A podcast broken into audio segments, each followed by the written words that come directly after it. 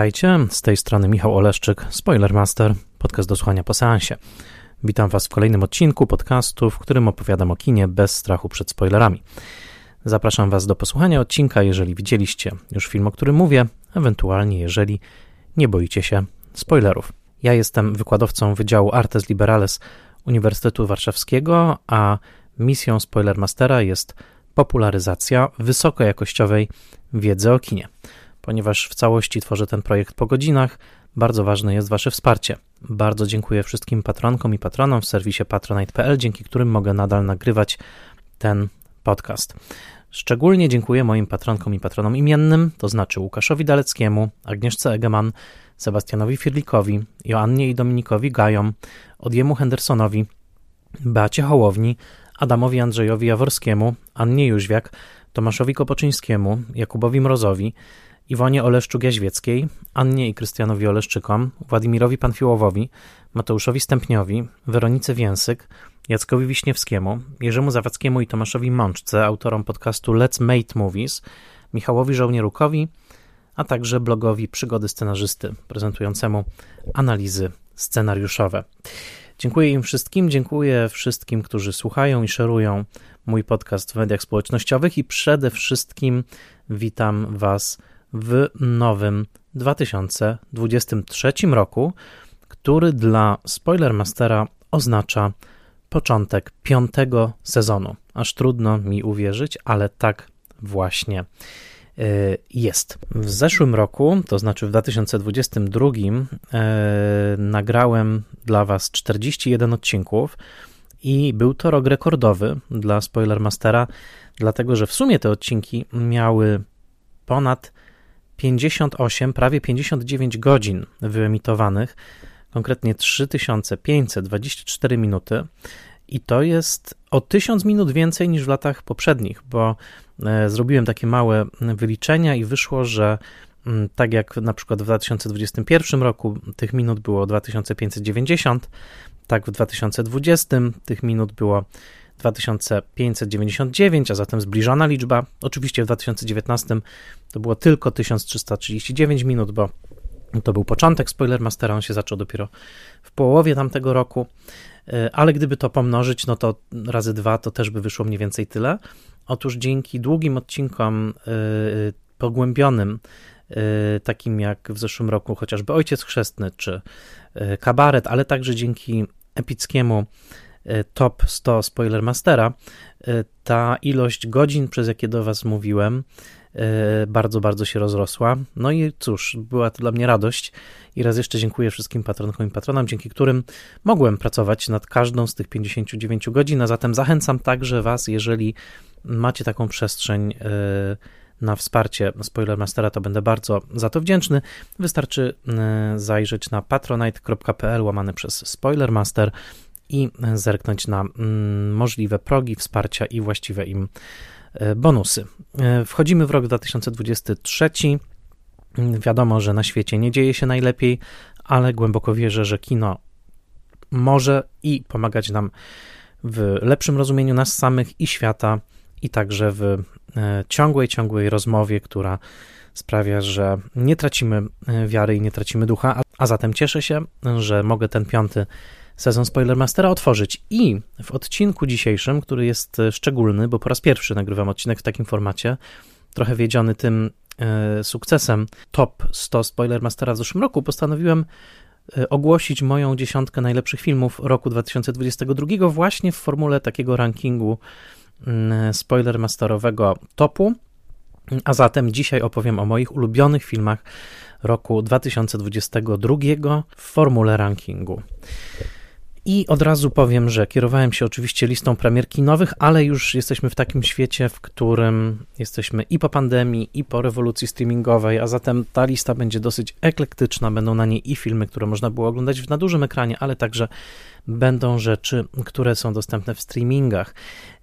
Dzisiejszy odcinek będzie ułożony tak, że najpierw zaprezentuję Wam ranking mojego top 10, czyli najlepszych 10 filmów, od 10 miejsca do miejsca pierwszego, a później będzie jeszcze czas na specjalne kategorie, to znaczy po angielsku bym powiedział honorable mentions, to znaczy taka lista rezerwowa e, filmów, które też zrobiły na mnie duże wrażenie z różnych powodów, a zatem jak już omówię mm, numer jeden na liście, to nie wyłączajcie jeszcze odcinka, bo tam będzie jeszcze dużo treści, a zatem chciałbym właśnie wspomnieć o takich y, y, no, rezerwowych tytułach, filmach, które też zasługują na to, żeby je obejrzeć, żeby o nich porozmawiać, o filmach, które bardzo mi się w tym roku podobały, a także dołączę do tego listę odkryć, to znaczy filmów starszych, które obejrzałem w tym roku po raz pierwszy i które naprawdę no, wstrząsnęły moim, e, moim systemem, jakoś poruszyły mnie, a wcześniej ich po prostu nie znałem.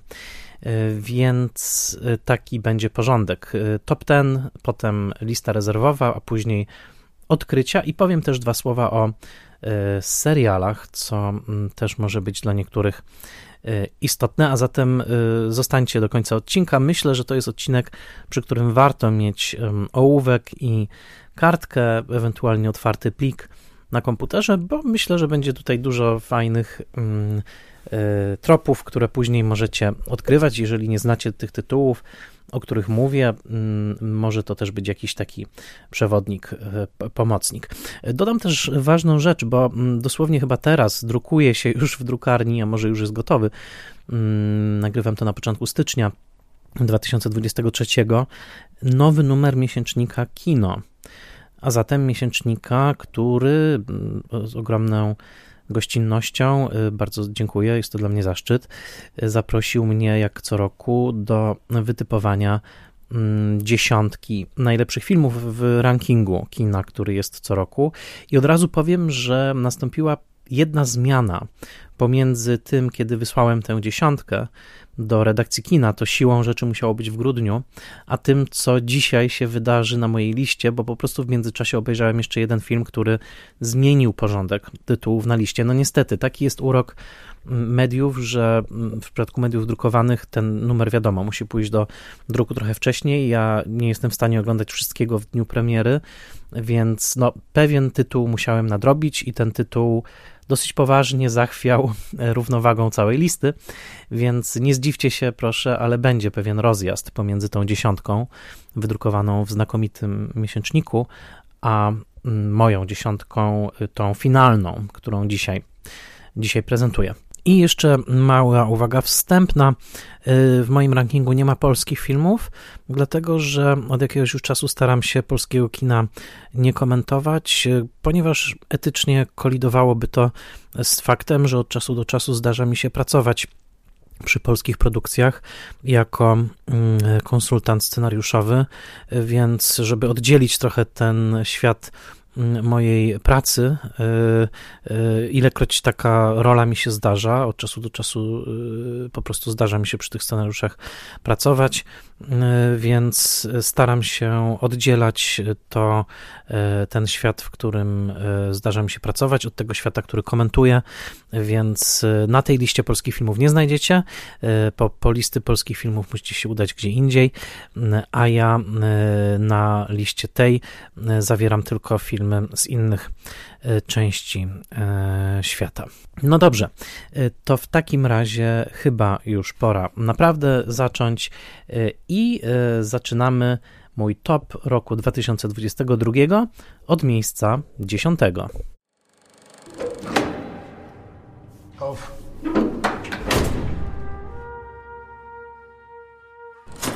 Praktiken? Wieder natürlich Unzucht nach Paragraph 175. Kein Dementi? Kein Dementi. Was wird beantragt? 24 Monate, unbedingt. Na miejscu dziesiątym Wielka Wolność. Film w reżyserii Sebastiana Majze, który zwyciężył na festiwalu w Cannes w roku 2021 w konkursie Un certain regard. To jest e, film osadzony w realiach powojennych Niemiec, e, przede wszystkim w realiach więziennych. Jest to opowieść o mężczyźnie uwięzionym ze względu na swój homoseksualizm właśnie w zakładzie karnym, w czasie kiedy homoseksualizm był wciąż karalnym czynem w, w Niemczech. To jest opowieść, jak sam tytuł wskazuje, oczywiście o wolności, bo ponieważ pomimo zniewolenia fizycznego ten bohater pozostaje wewnętrznie wolny. W tym sensie można by powiedzieć, że jest to wariacja na temat wielu innych więziennych filmów, które celebrują wewnętrzną duchową wolność człowieka, takich jak chociażby Ptasznik z Alcatraz Johna Frankenheimera, czy e, oczywiście Skazani na Shawshank e, Franka Darabanta, ale Wielka Wolność ma dwa ogromne atuty, które sprawiły, że mm, no, ten film trafił na, na tę listę. Pierwszym atutem jest y, wielka rola Franca Rogowskiego. Ten niemiecki aktor już od kilku lat zachwyca nas w różnych rolach. Widzieliśmy go między innymi w filmach y, Christiana Petsolda, Terensa Malika czy mm, Michaela Hanekego, ale to, co wyprawia Rogowski w tym filmie, y, no jest naprawdę niesamowite.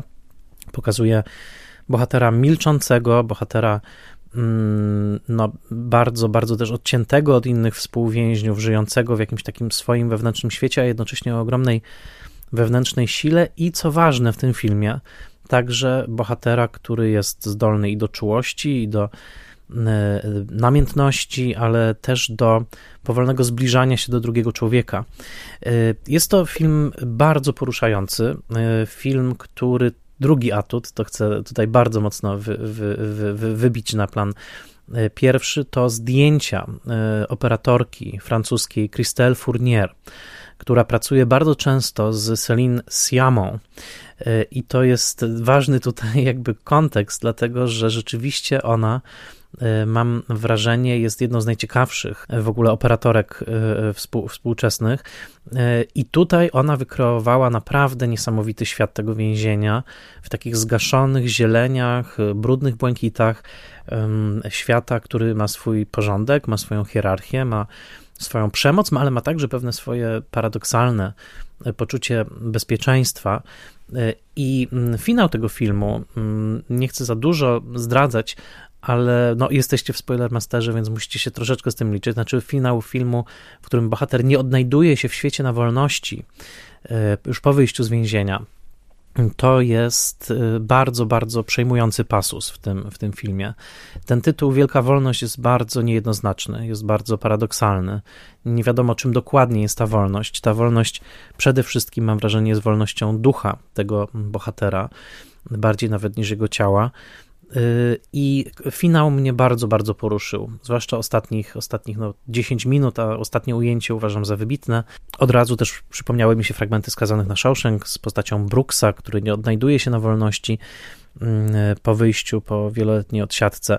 Y, tak czy inaczej, jest to, uważam, film bardzo głęboko ludzki, y, bardzo głęboko empatyczny, formalnie znakomity, jest to taki no, nieoczywisty melodramat, też można by powiedzieć, mm, który y, no, stoi i reżyserskimi umiejętnościami Majzego, ale przede wszystkim naprawdę niezwykłą rolą y, Franca Rogowskiego, to chcę podkreślić, to jest wybitna, e, wybitna rola, wybitne osiągnięcie, więc e, gdyby nie ta rola, to myślę, że ten film nie znalazłby się na, w tej dziesiątce, o tak, tak powiem, bo na pewno byłby to bardzo dobry film z kim innym, ale nie byłby to film e, wybitny, a uważam, że wybitny jest, dlatego właśnie na dziesiątym miejscu mojej listy ląduje Wielka Wolność, która w momencie, kiedy nagrywam ten odcinek jest dostępna w serwisie Cineman, także bardzo serdecznie ten film polecam. Zmieniamy trochę tonację, wskakując na miejsce dziewiąte. Da, hvis du er glad i meg, hvis du elsker meg, så da fikser vi alt det andre. Ja, jeg elsker deg. Men jeg elsker deg ikke.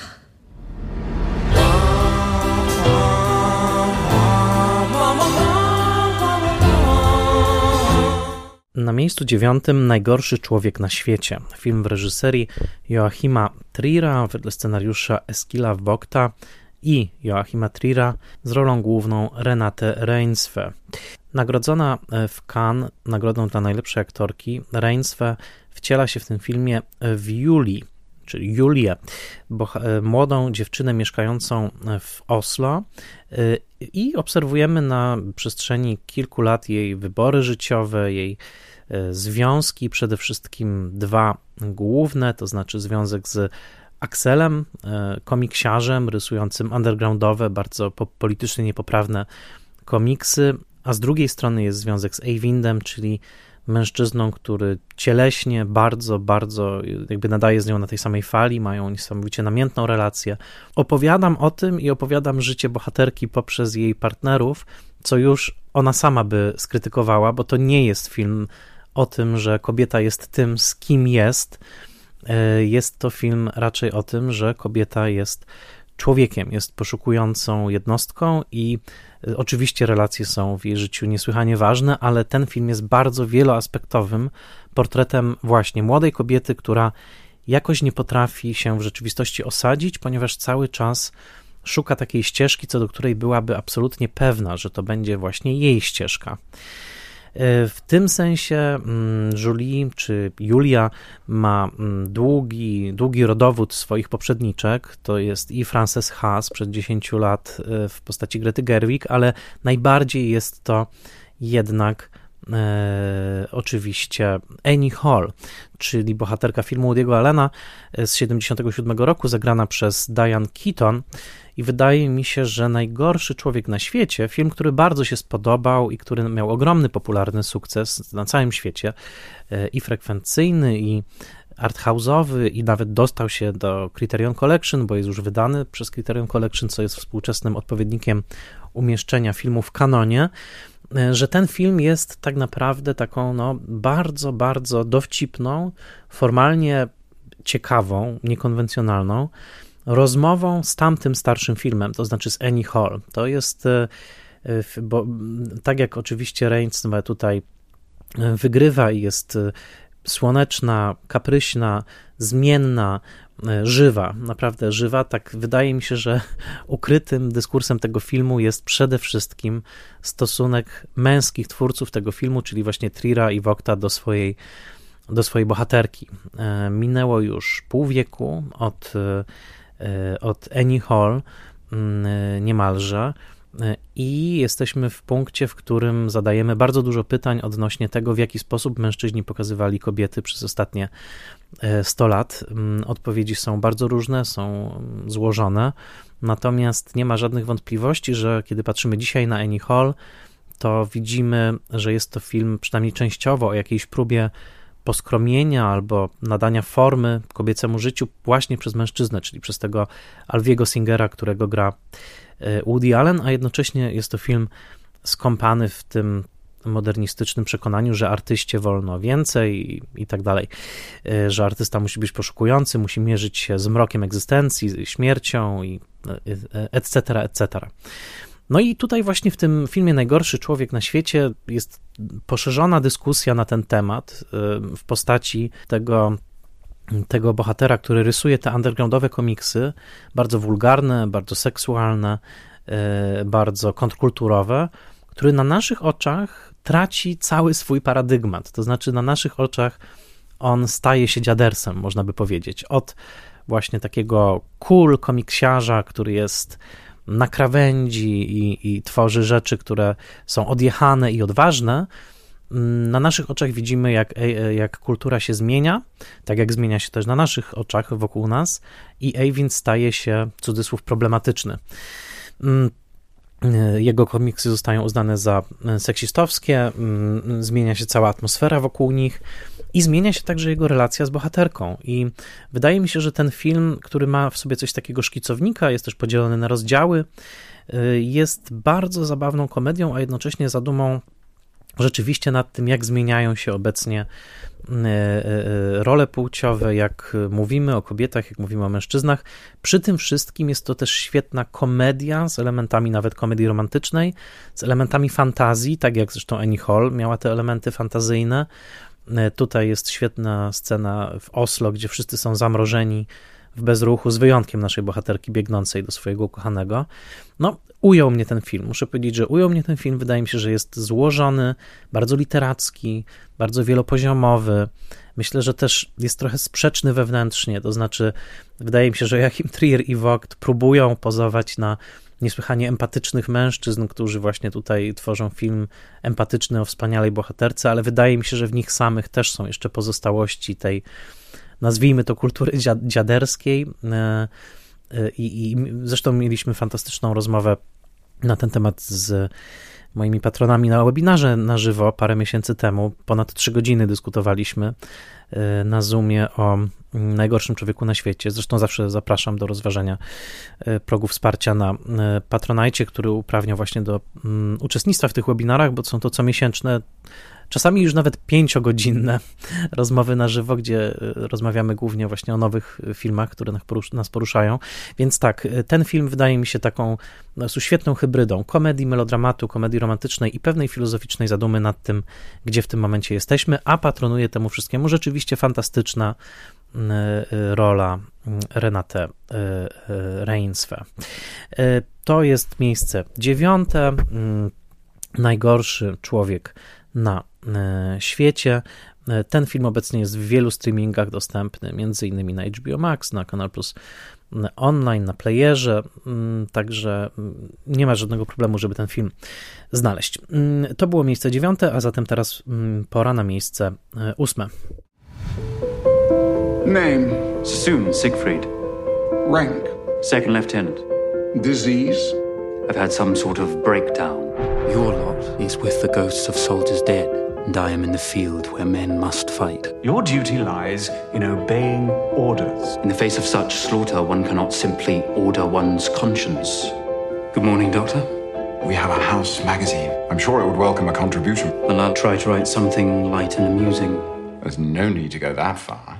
Na miejscu ósmym Błogosławieństwo, Benediction, film w reżyserii Terensa Davisa. No cóż, y, chyba tu nie ma mm, niespodzianki. To znaczy, Terence Davis jest dla mnie reżyserem ważnym.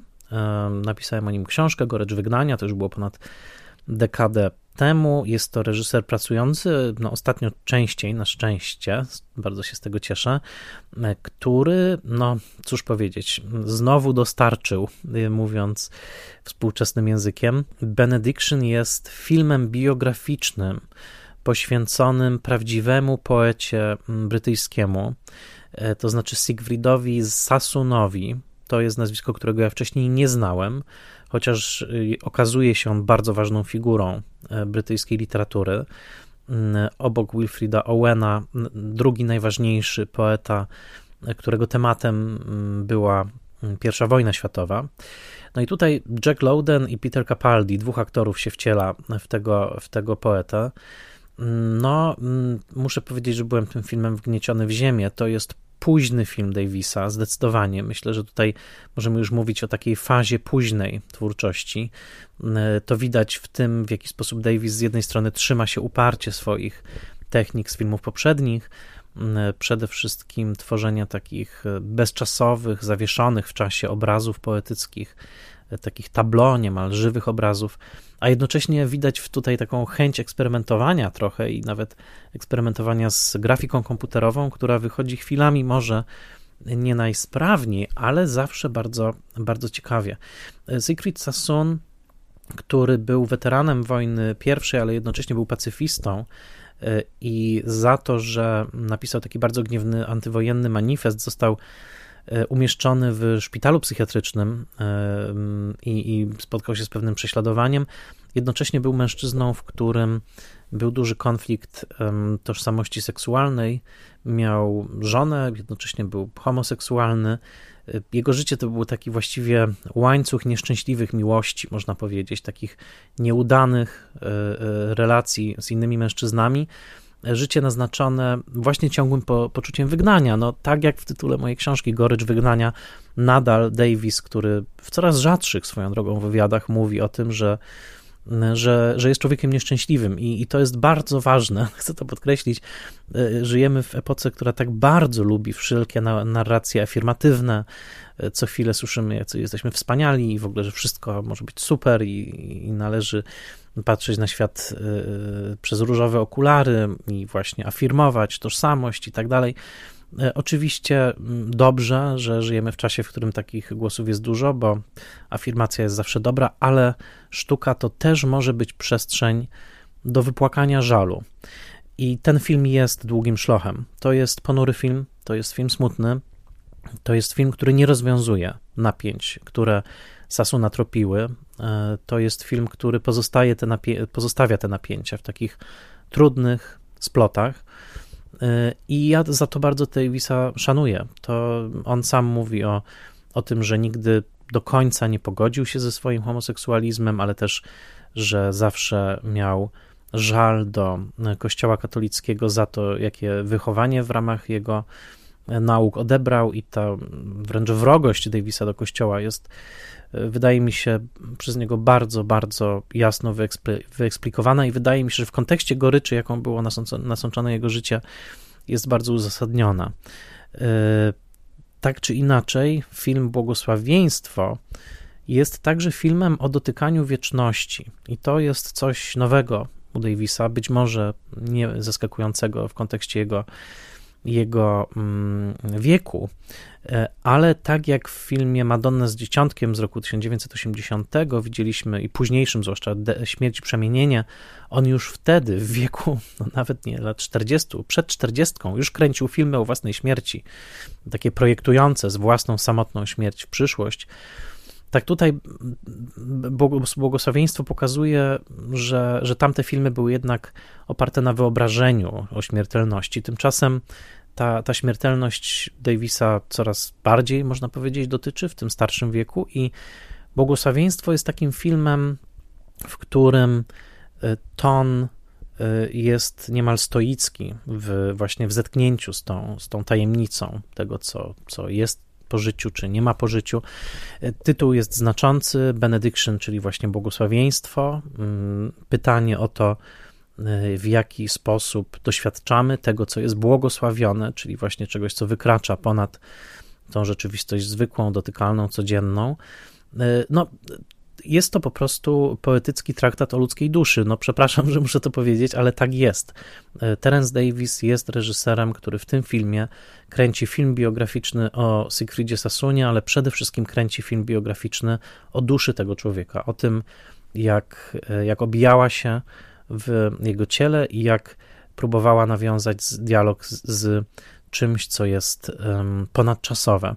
Jest to film trudny, jest to film smutny, tak jak mówię, jest to film przes przesączony łzami, ale film bardzo piękny i um, pierwsze minuty już, kiedy tak zawsze mam pytanie, kiedy oglądam nowy film Davisa, a mam, mam, różne, mam różne zdanie o jego późniejszych filmach, czy będzie taki moment, który mnie zachwyci, no i oczywiście tutaj był kiedy na początku podnosi się kurtyna w teatrze i nagle widzimy nurty rzeki w słońcu, w takim bardzo pięknym ujęciu, no to rozumiałem tak. Davis nadal potrafi tak zderzać ze sobą obrazy, że, że powstaje coś niesamowicie niesamowicie pięknego. Mm, dodam, że naszą wspólną wielką krzywdą jest to, że film wcześniejszy Davisa, e, czyli e, film Cicha Namiętność, Quiet Passion, poświęcony także poetce Emily Dickinson, wybitna rola Cynthia Nixon, znanej jako Miranda z Seksu w Wielkim Mieście i z sequelu serialowego, którego tytułu nie wymienię. Otóż tam to, to już był film biograficzny o poetce, tutaj on kontynuuje ten cykl. Mm, no, y, tamten film był majstersztykiem. Myślę, że był lepszy nawet od tego. Natomiast szkoda wielka, że, że ten film do nas nigdy nie dotarł. Dodam, że błogosławieństwo można obecnie oglądać na HBO Max i na playerze. No i cóż, namawiam Was do tego trudnego seansu. Tak jak mówię, sztuka jest do różnych rzeczy i nie zawsze sztuka musi być do tego, żebyśmy się czuli super. Czasami ta sztuka jest właśnie po to, żeby ktoś, e, żeby artysta mógł także usiąść przy nas i gorzko zapłakać. I takim e, gorzkim lamentem jest piękny film Błogosławieństwo z ósmego miejsca mojej listy. No dobrze, to teraz pora na miejsce siódme.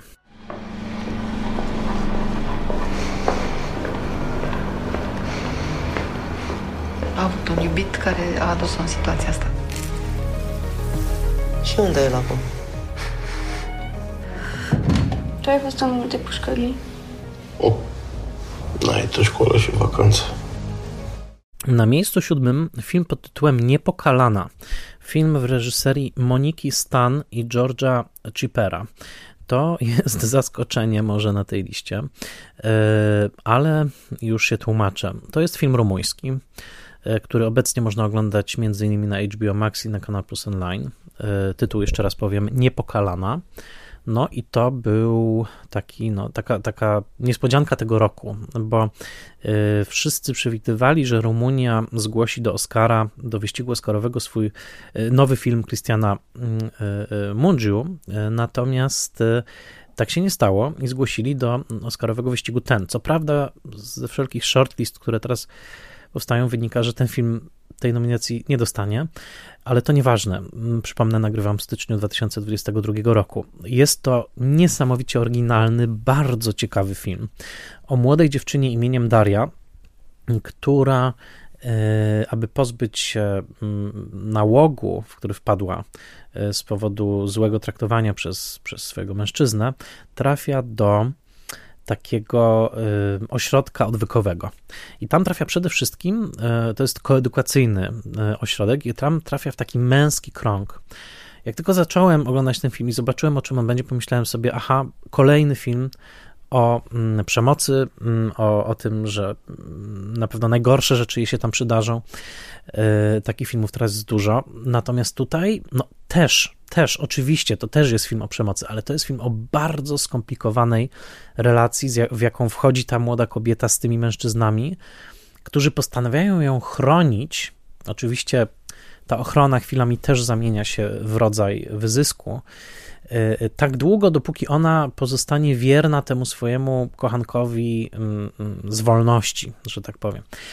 Film jest nakręcony niesamowicie w takich bardzo jasnych, prześwietlonych kadrach, w, na wąskim kadrze i jest chwilami przerażający, a chwilami zabawny. To znaczy to, w jaki sposób tutaj reżyserka i reżyser, Monika Stan i George Schiffer, wypracowali autentyzm z tymi aktorami, jest niesamowite, e, bo rzeczywiście czujemy ciągle zmieniającą się dynamikę tej ludzkiej grupy i przede wszystkim obserwujemy tą niezwykłą dziewczynę, która rzeczywiście jest bardzo, bardzo paradoksalną postacią.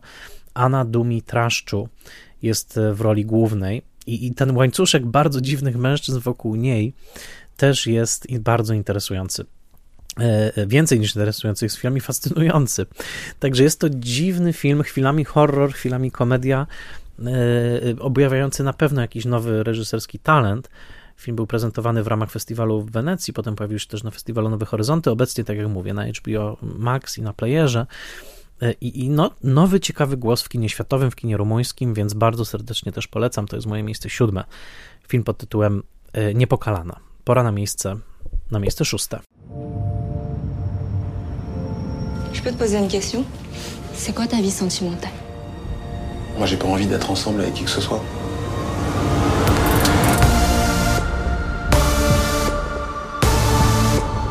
Pourquoi vous êtes parti alors? Pour m'installer à Paris.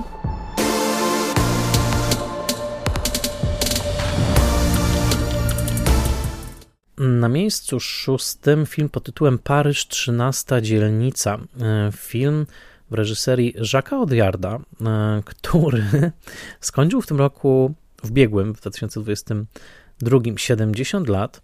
No i mogę powiedzieć najkrócej, że nie wygląda ten film na film 70-latka. Wydaje, gdybym zobaczył ten film bez, bez tabliczki z nazwiskiem, powiedziałbym, no, chyba się pojawił jakiś nowy, dynamiczny francuski reżyser. Tymczasem, mm, no właśnie nie. Tymczasem właśnie nie.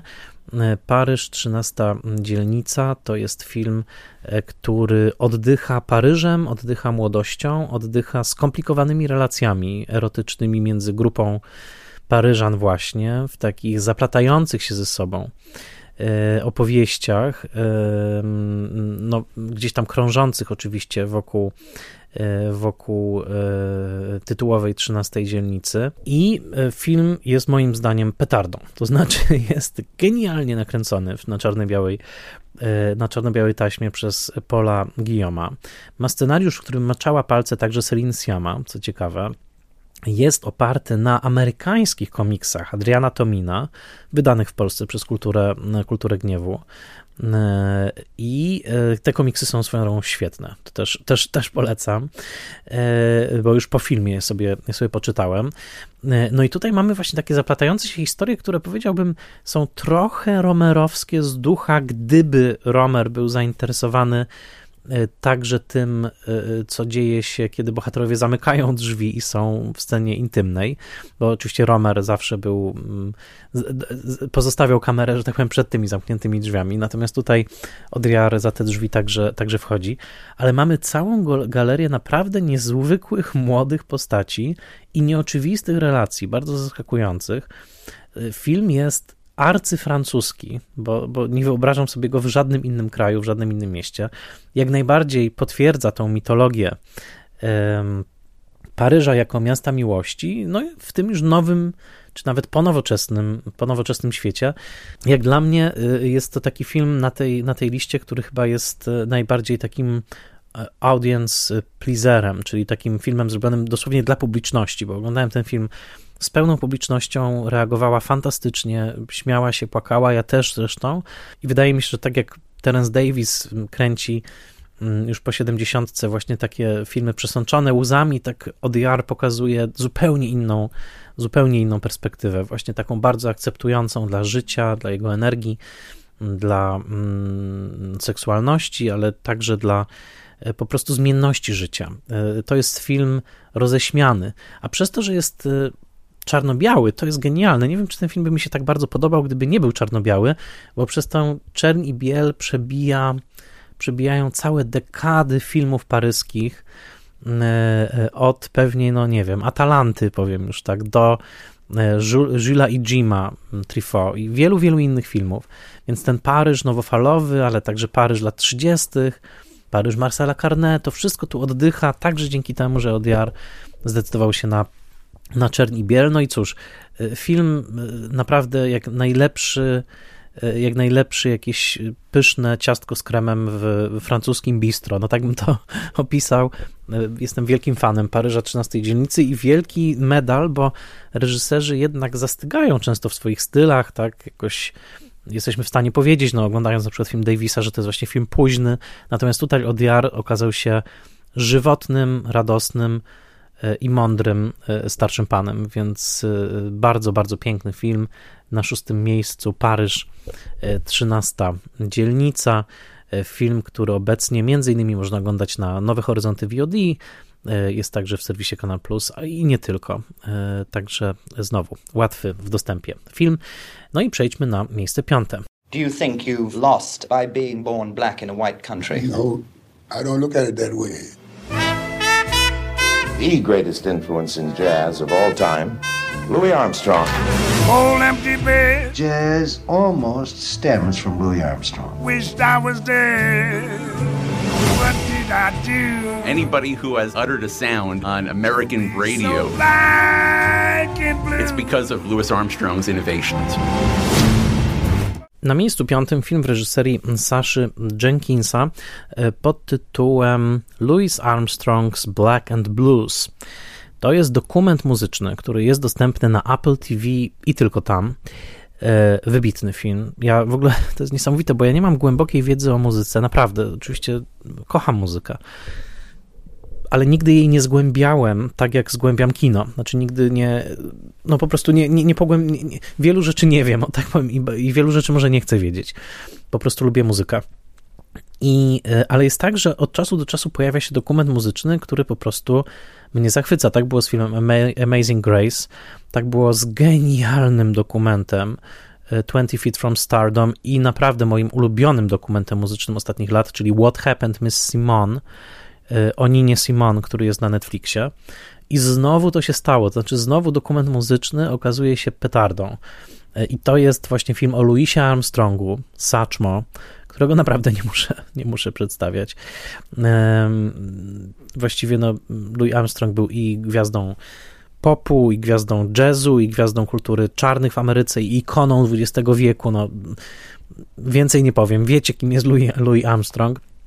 I tutaj Sasha Jenkins dostał niesamowity materiał w postaci, jak się okazuje, mm, kaset, y, taśm audio, które Louis Armstrong nagrywał przez całe życie, mm, zwłaszcza w mm, późniejszych latach swojego życia. Siedział w piwnicy w swoim domku na Queensie, który jest w ogóle uroczy, bo zawsze myślałem, że Louis Armstrong pewnie mieszkał w jakiejś willi, nie wiem, w Beverly Hills, to moja ignorancja. Mieszkał w domku na Queensie, takim cudownym, małym, małej dziupli, mieszkał tam do końca życia. I w piwnicy tego domu nagrywał długie takie swoje wypowiedzi, rozmowy z przyjaciółmi, i tych nagrań użył Sasha Jenkins do narracji w swoim filmie, który film ten oczywiście jest o, o, wielu rzeczach, jest o talencie, jest o rasizmie w Ameryce, jest o zmianach społecznych w Ameryce, jest o geniuszu, jest no, po prostu o, o muzyce, która, która odmieniła świat ale jest jednocześnie narratorem tej opowieści jest Louis Armstrong z tych taśm, których nikt wcześniej nie słyszał. No i tam są jego wypowiedzi polityczne. On się raczej nie angażował w politykę w życiu artystycznym, ale często rozprawiał o tej polityce, jak się okazuje, w swojej piwnicy i to tam wszystko jest. Wyłania się skomplikowany portret człowieka z tego filmu i jeden moment, który notabene chyba już widziałem w innym filmie, ale tu jest tak pięknie wmontowany w całość, że staje się gwoździem programu.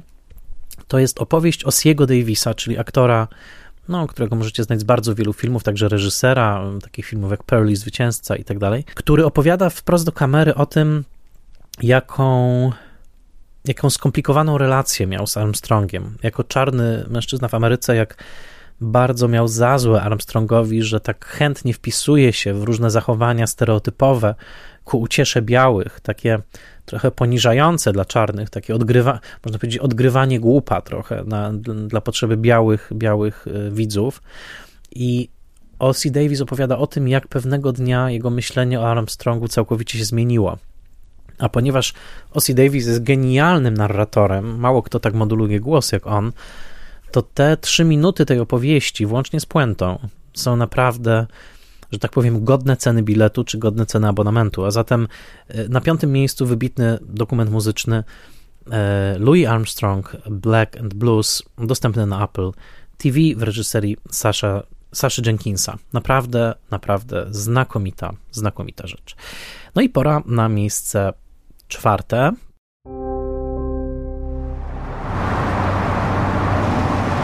今回は私たちの決まりでドライバーを用意します というと？彼女です。渡美咲です。僕はまだドライバーを君に頼むことに同意してない。私が下に行こうか。上にいて。びっくりした。うん。嘘みたい。今晩会いたいって言われたの。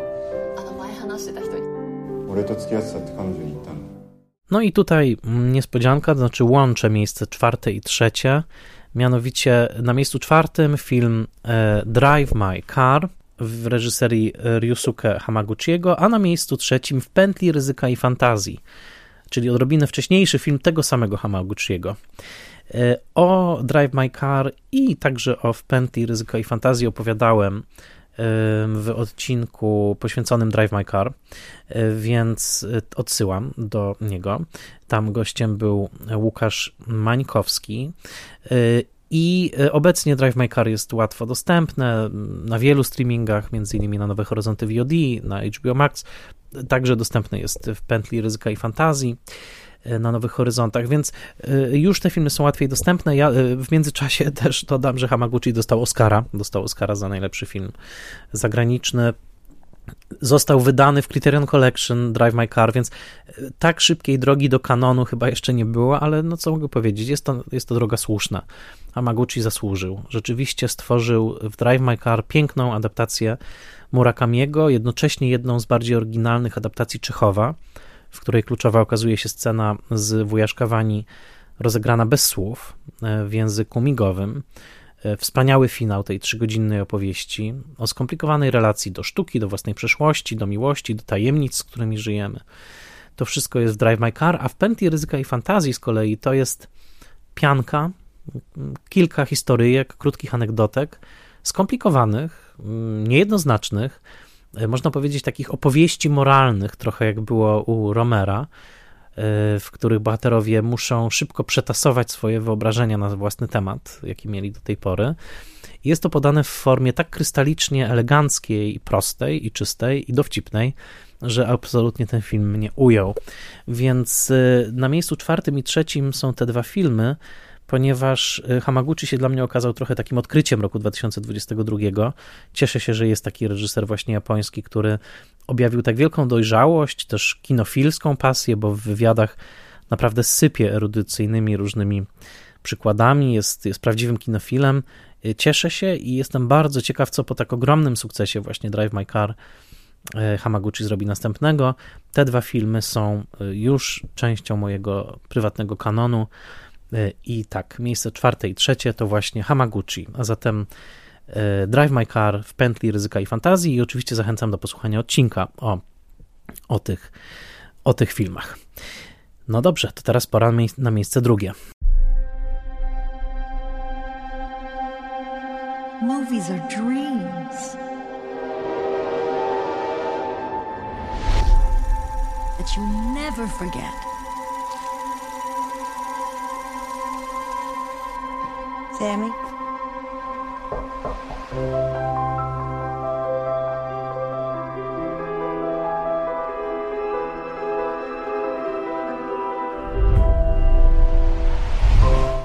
No i właśnie, na miejscu drugim jest ta wielka zmiana w kontekście listy, bo na miejsce drugie e, po obejrzeniu przeze mnie tego filmu wskoczył film Fablemanowie. Stevena Spielberga. No cóż, proszę Państwa, ja trochę już się ze Spielbergiem żegnałem. To znaczy, od tak wielu lat nie zrobił filmu, który by mnie zachwycił. No dobrze, Lincoln mi się podobał, ale, ale nawet przy Lincolnie nie miałem takiego poczucia, żeby to była jakaś nowa mm, e, nowa karta e, w mm, filmografii Spielberga. Jak zobaczyłem zwiastun Fablemanów, pomyślałem sobie, o Boże, tak? Czyli przyszedł pora po Belfaście, przyszedł, przyszła pora na Spielberga, zrobi swój nostalgiczny film o dzieciństwie, opowie nam o tym, jak został filmowcem. No naprawdę potrzebujemy bardzo kolejnego reżysera, który nam opowie o tym, jak został filmowcem, jakie, jakie katusze przeżywa jako filmowiec, tak, jak zrobił to jak zrobił to na przykład, nie wiem, ostatnio Inaritu w Bardo. Yy, swoją drogą, tyle mi się kiedyś dostało za to, że nie lubiłem Birdmana, chcę powiedzieć tyle. Bardo to jest Birdman. Znaczy, Birdman ma dokładnie te same problemy, które ma Bardo, tyle, że tego nie widzieliście. Oczywiście żartuję, e, ale, ale jakby bardzo pokazuje dokładnie za co, za co nie lubię, nie lubię Birdmana. E, tak czy inaczej, dygresja. Fablemanowie okazali się po prostu niesamowitą niespodzianką. Ja, ja już naprawdę miałem trochę dosyć po West Side Story, które wydało mi się naprawdę niepotrzebne, po Player One, po Czwartej Władzy, która była dla mnie filmem zrobionym z naftalinowej nostalgii za latami 70. i za rzekomo heroiczną erą amerykańskiego dziennikarstwa. Po BFG i Moście Szpiegów i przygodach Tintinach, no ile można, już nie wspomnę o czasie wojny, o, o koniu e, e, czy o Indianie Jonesie. No ja już po prostu pomyślałem sobie, że dobra, to by było na tyle, Spielberg po prostu już utracił zdolność do tworzenia świeżego kina, albo przynajmniej do, do zrobienia właśnie filmu, który miałby jakąś, e, jakąś rzeczywistą, rzeczywistą wagę. E, odwołuje, odszczekuje to wszystko. Fablemanowie to jest film wybitny. Scenariusz Tony Kushner, Anioły w Ameryce, ale też już nowy stały współpracownik Spielberga od paru dobrych lat, co najmniej od Monachium. No, Fablemanowie to jest oczywiście tak, to jest opowieść autobiograficzna, to jest opowieść o tym, jak Spielberg stał się Spielbergiem, ale także jest to opowieść o faktycznej cenie, jaką za to zapłacił, ale jest to także bardzo skomplikowana opowieść rodzinna, o matce i ojcu, którzy nie są ze sobą zgrani, o tym, jak mimo to próbują być razem, o tym, jak dwa różne temperamenty, bardziej inżynierski i bardziej kreatywny, ścierają się w obrębie jednego domostwa, a E, świadkami tego są dzieci, ale także dzieci są nie tylko świadkami, dzieci są uczestnikami tej sytuacji. Mamy małego Sama Fablemana, który zagrany no, znakomicie przez dwóch młodych mm, aktorów w tej, e, w tej, e, w tej wersji. Jest, no, znaczy Spielberg naprawdę już oczywiście wiele razy pokazywał, że potrafi reżyserować, mm, reżyserować dzieci, no, w tym przypadku y, przeszedł samego siebie, bo w obydwu wcieleniach, młodszym i starszym, y, ten Sam Fableman jest niesamowicie prze, przekonujący, zwłaszcza oczywiście w y, postaci Gabriela Labella, ale także Mateo Zoriana. Y, no i cóż się dzieje? Dostajemy dwójpółgodzinny, skomplikowany portret relacji rodzinnej, jednocześnie połączony z prawdziwą zadumą nad tym, czym jest kino. Że kino to nie jest tylko ta magia, te połyskujące światełka, tak? Nie. E, to, trochę w Belfaście tak było, tak? E, rodzinka idzie do kina, coś połyskuje na ekranie. Ach, magia kina. Któryż to już raz będziemy zachwycać się magią kina? No tak, ta magia jest, to prawda. Ale za tą magią też idzie coś, idzie coś innego. Kino może być źródłem bólu kino może być źródłem bolesnego odkrycia na temat własnej rodziny, tak jak jest w detektywistycznej scenie tego filmu. Kino może być pasją, ale kino też może być powołaniem, a kino może być obsesją. I tutaj wujek, zagrany świetnie przez e, Juda Hersha, e, uświadamia w pełni samiemu, co będzie, jeżeli podąży za tą swoją pasję, pasją i jaką cenę za to zapłaci. Co za obsada, nieoczywiście obsadzony Sedrogen jako wujek e, Benny, który, za którym tak bardzo tęskni w pewnym momencie matka e, Mitzi.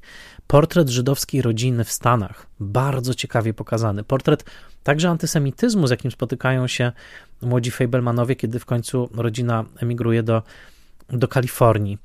E, fantastyczna rola Jenny Berlin, wybitnej aktorki, już trochę zapomnianej, która tutaj pojawia się jako jako ciotka Hadash e, Fabelman. No, ze sceny na scenę byłem zachwycony niesamowitą wielowarstwowością e, tego filmu, a cały finał, kiedy sami pokazuje swój film nakręcony w trakcie Dnia Wagarowicza i spotyka się, powiem tak, nie, nie zaspoiluję teraz spokojnie, ale spotyka się z dosyć nieoczekiwaną reakcją swoich widzów, a zwłaszcza głównego widza. To są wszystko sceny wybitne, które sprawiają, że mm, ten film naprawdę każe przemyśleć całą relację Spielberga do swojej publiczności, do kina jako takiego i Spielberga do siebie samego. Y, wybitny film, po prostu wybitny. Y, o mało, nie, o mało co nie byłby na pierwszym miejscu tej listy mojej tegorocznej. I powiem więcej, bo ten odcinek wchodzi na początku stycznia, ale w styczniu będzie też odcinek osobny o Fablemanach, bo muszę, muszę po prostu ten film zgłębić, więc już teraz zapraszam. Natomiast y, w tym momencie mogę tylko powiedzieć, że jestem nim, nim zachwycony, bo Spielberg uniknął i sacharynowej nostalgii, y, i y, także, nie wiem, jakiejś nadmiernej goryczy w pokazywaniu, zwłaszcza swojej relacji z matką, tylko znalazł perfekcyjny balans, a zdjęcia Janusza Kamińskiego i muzyka Johna Williamsa mu w tym przepięknie pomogły, a stawka aktorska w filmie jest taka, że wszystkim dałbym Oscary. Naprawdę.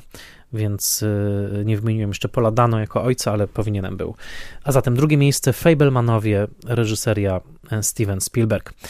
No i cóż, pora na miejsce pierwsze. You said you're never going to step a foot in Texas again. I know, this is unexpected. Oh, nothing with you is unexpected.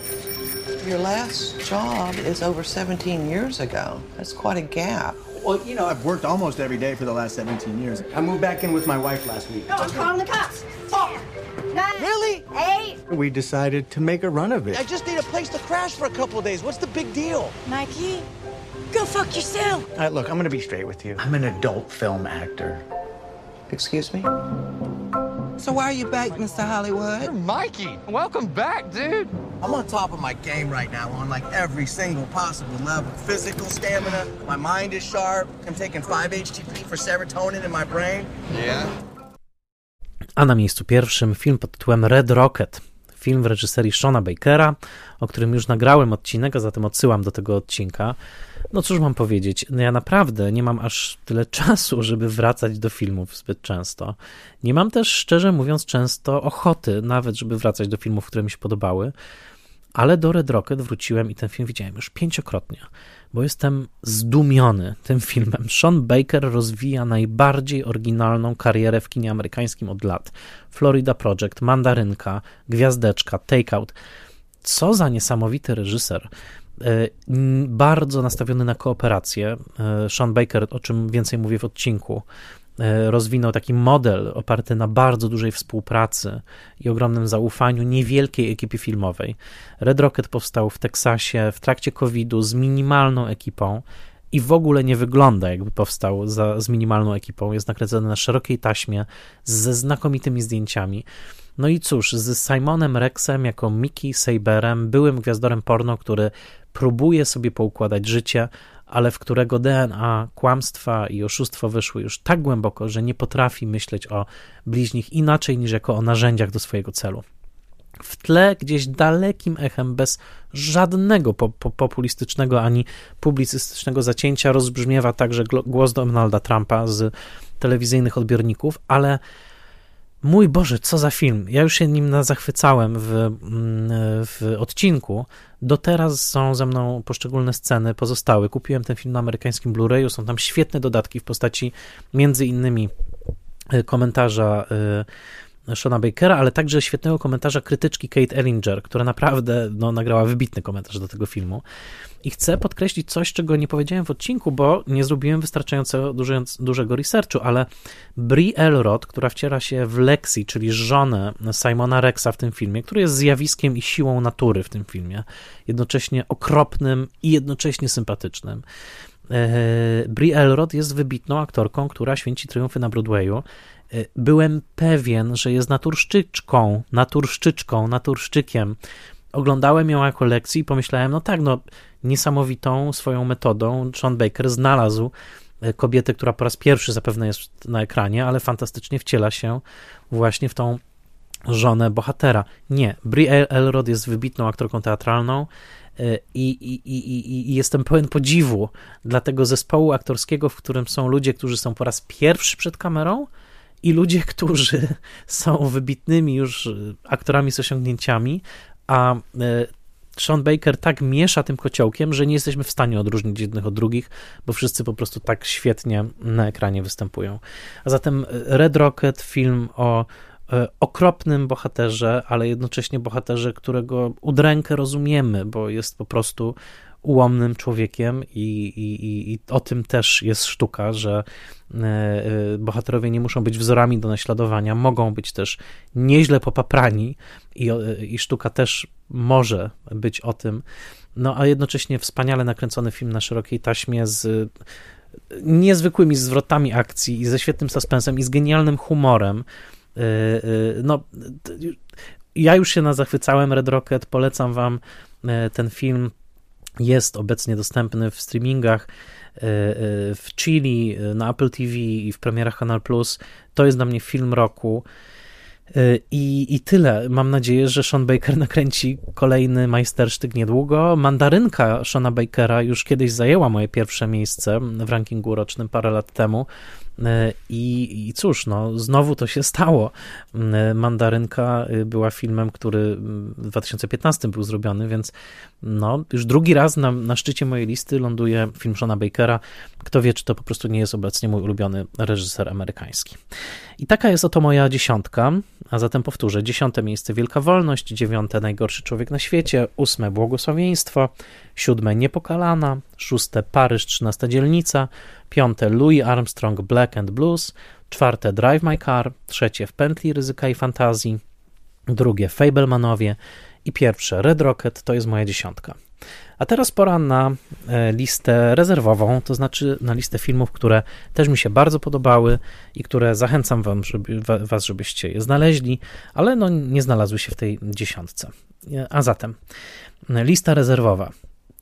3000 lat tęsknoty George'a Millera. E, piękna, zaskakująca e, e, Odyseja poprzez tysiąclecia ze świetną Tildą Swinton i znakomitym Idrisem Elbą z takim pytaniem czy miłość i inteligencja się wykluczają, a także jaką rolę mitologia spełnia w tym, jak widzimy nas samych i nasze emocje. Bros, komedia romantyczna z gejowską parą w centrum. Film wywołał trochę kontrowersji. Podobno niektórzy mylili w kinach ten film z filmem Super Mario Bros. No cóż, są rzeczywiście bardzo różne. E, I film i film wywołał także kontrowersje ze względu na swojego reżysera Billy'ego Eichnera, który bardzo się obraził, że film nie stał się kasowym hitem. Bardzo niedobrze, że tak się zachował. Powinien spokojnie odczekać, bo film ma wszelki potencjał na to, żeby z latami zebrać swoją publiczność. E, no cóż, bardzo się ucieszyłem z tego, że e, taka komedia o zakochanych w sobie mężczyznach jest na ekranach, jest dowcipna, jest śmieszna, jest też pełna różnych obserwacji społecznych po prostu jest to, uważam, bardzo, bardzo dobry film. E, kolejny film, W drogę, film, który jest dostępny na HBO Max, to jest film Panaha Panahiego, czyli syna e, e, Panahiego, no właśnie, reżysera, którego znamy z przede wszystkim jego bardzo trudnych przejść z irańskimi władzami w ostatnich dekadach. W drogę to bardzo niekonwencjonalny film rodzinny, taka trochę mała miss w stylu arthouse'owym, tak bym to nazwał. I na tym samym HBO Max w tym roku pojawił się bardzo niezwykły film arthouse'owy pod tytułem Dziewczyna i pająk w reżyserii braci Cürsierów. To jest dziwne duo. Wiele lat temu oglądałem e, ich film pod tytułem e, Dziwny Mały Kot. Nawet go zaprogramowałem na off-kamerze i prowadziłem spotkanie z nimi. Są bardzo dziwni, są świetni. Dziewczyna i pająk to jeden z najdziwniejszych i najtrudniejszych do opisu filmów, jakie widziałem. E, jeżeli wymyślicie, jak streścić ten film w jednym zdaniu, to, to, to napiszcie do mnie, bo jest to bardzo trudne do streszczenia. W każdym razie Dziewczyna i Pająk to jeden z najoryginalniejszych filmów, jakie widziałem w tym roku. Oczywiście Vortex Gaspara Noé, który spadł z listy przez to właśnie, że Fablemanowie się znaleźli na nim, na niej. Vortex jest filmem, który omówiłem w odcinku, więc odsyłam do tego odcinka. E, Top Gun Maverick, film, który dostarczył mi sporo pustej, pustej frajdy, tak bym to nazwał. E, I jest to oczywiście film, który uratował kina w dużej mierze, to znaczy był ogromnym hitem kasowym na całym świecie, w świecie popandemicznym, co jest swoistym osiągnięciem. Viking Roberta Eggersa, no niezły miszmasz. Wydaje mi się, że Eggers no, oglądał się trochę za dużo na Srebrnym Globie Żuławskiego, ale film zdumiewający technicznie i wizualnie. Przepracowanie mitu Hamleta przez Wikingów. No, nie wiem, czy Roberta Eggersa chciałbym kiedyś spotkać, tak powiem, trochę się go boję. Wydaje mi się, że jest mrocznym hipsterem, którego gdybym zapytał, nie wiem, jakie piwo pije, to by powiedział, przez kwadrans opowiadałby mi o różnych bukietach, skąd się wzięła beczka i y, gdzie jest produkowane i dlaczego jest to fair trade. Y, myślę, że on nie może się ucieszyć niczym bez głębokiego wnikania w struktury świata. Y, czytałem też duży reportaż o nim w New Yorkerze, jak obsesyjnie podchodził do researchu przy tym filmie, ale jest to no, reżyser bardzo, bardzo ciekawy. Viking też mi się podobał. E, ambulans Michaela Beya. No, Patryk Wega amerykańskiego kina uderza ponownie, nawiązując często do własnych filmów. W ambulansie są takie dialogi, na przykład jeden facet się odwraca do drugiego i mówi: e, To jest dokładnie jak w tym filmie Twierdza, widziałeś? Albo będziemy jak Bad Boys. Widziałeś ten film? No, oczywiście Twierdzę i Bad Boys zrobił Michael Bay. E, jest to film o karetce, która ucieka fajny film z helikopterami i samochodami na ulicach Los Angeles. I to jest film Michaela Beya, tyle mogę powiedzieć. E, Córka Maggie Gyllenhaal, piękny film, o którym rozmawiałem z Dianą Dambrowską w odcinku. Zaskakujący film twórcy Delicatessen, e, Big Buck, e, czy pisze się Big Book. Jean-Pierre Genet, czyli twórca kultowych Delicatessen sprzed lat, nakręcił futurystyczną e, satyrę na świat przyszłości, e, w takim osadzoną w czasie, kiedy większość naszych zadań wykona już sztuczna inteligencja i w pewnym momencie ro roboty dokonują pewnego zamachu stanu i e, żywi są, ludzie są umieszczeni w, jednym, w jednej przestrzeni ze swoimi cudownymi urządzeniami, e, właśnie kierowanymi sztuczną inteligencją. Byłem zaskoczony satyrą, która jest faktycznie dowcipna także na poziomie wizualnym. Jest to kameralny film, chwilami prawie jak teatr telewizji, dostępny na Netflixie, ale bardzo zaskakujący i dobry. Życie przestępcze 1984-2020 to dokument, który jest dostępny na HBO Reżyserował go John Alpert i te daty są prawdziwe, to znaczy ten film powstawał przez ponad 30 lat. Niesamowite. E, Albert śledził grupkę postaci wikłających się głównie w stanie New Jersey w różne przestępcze aktywności od lat 80. i ten film opowiada o całym ich życiu przez ten cały okres i są materiały z tych wszystkich lat. Niezwykła, przejmująca, wstrząsająca też chwilami e, rzecz. Jackass Forever, film dostępny m.in. na Chili, kolejny film w sadze Jackassa, czyli grupy facetów, którzy rzucają sobie głupie wyzwania, po czym dokonują ich, e, narażając się nieraz na dotkliwy fizyczny ból i krzywdę. Tak bym opisał to, czym jest Jackass. Wiecie pewnie, czym jest Jackass i Johnny Knoxville, ale film Jackass Forever, który notabene był niesłychanie dobrze oceniony w Stanach, jest także filmem o, uwaga, starzeniu się o, uwaga, przemijaniu, bo ci panowie, którzy z taką lubością obijali swoje ciała przez tyle lat, robiąc najgłupsze i naprawdę chwilami straszne rzeczy, w tym filmie robią je dalej. Ale jednocześnie jest to film o tym, że oni się starzeją i wiedzą, że to nie potrwa wiecznie, i wiedzą, że to być może jeden z ich ostatnich takich numerów. E, film zaskakująco czuły, zaskakująco ciepły w portrecie e, przyjaźni tych szalonych, szalonych facetów. Mała Mama to film Celine Siamy, o którym opowiadałem w odcinku i rozmawiałem e, o tym filmie z Adrianą Prodeus. Także odsyłam do tej ciepłej opowieści o spotkaniu międzypokoleniowym E, w dosyć niezwykły sposób przeprowadzonej. E, Bas Astral Pixara, hello, podobał mi się, przepraszam, wiem, że w modzie jest nie lubić ten film, ale mi się podobał. E, jest tam najlepsza postać kocia tego roku, kot robot. Zbrodnie przyszłości Cronenberga są dobre, wbrew temu, co wiele osób mówiło. Jest to już klasycystyczny, późny Cronenberg, ale bardzo mi się podobał, z bardzo przejmującą i taką wrażliwą rolą Viggo Mortensena. Jestem w teamie, któremu podobał się film Nie Jordana Pila, czyli medytacja na temat horroru e, w wydaniu mm, Pila. Wydaje mi się że w ogóle, że to jest jego najlepszy film. I także dokument Wulkan Miłości Sary Dozy. Bardzo mi się podobał o parze wulkanologów, którzy odkrywają swoje przeznaczenie w bulgocącej lawie. To była moja lista rezerwowa. A teraz pora na odkrycia. Było kilka starszych filmów, które, mm, które ja wcześniej nie znałem, a które zaskoczyły mnie w tym roku i chcę je tylko wymienić.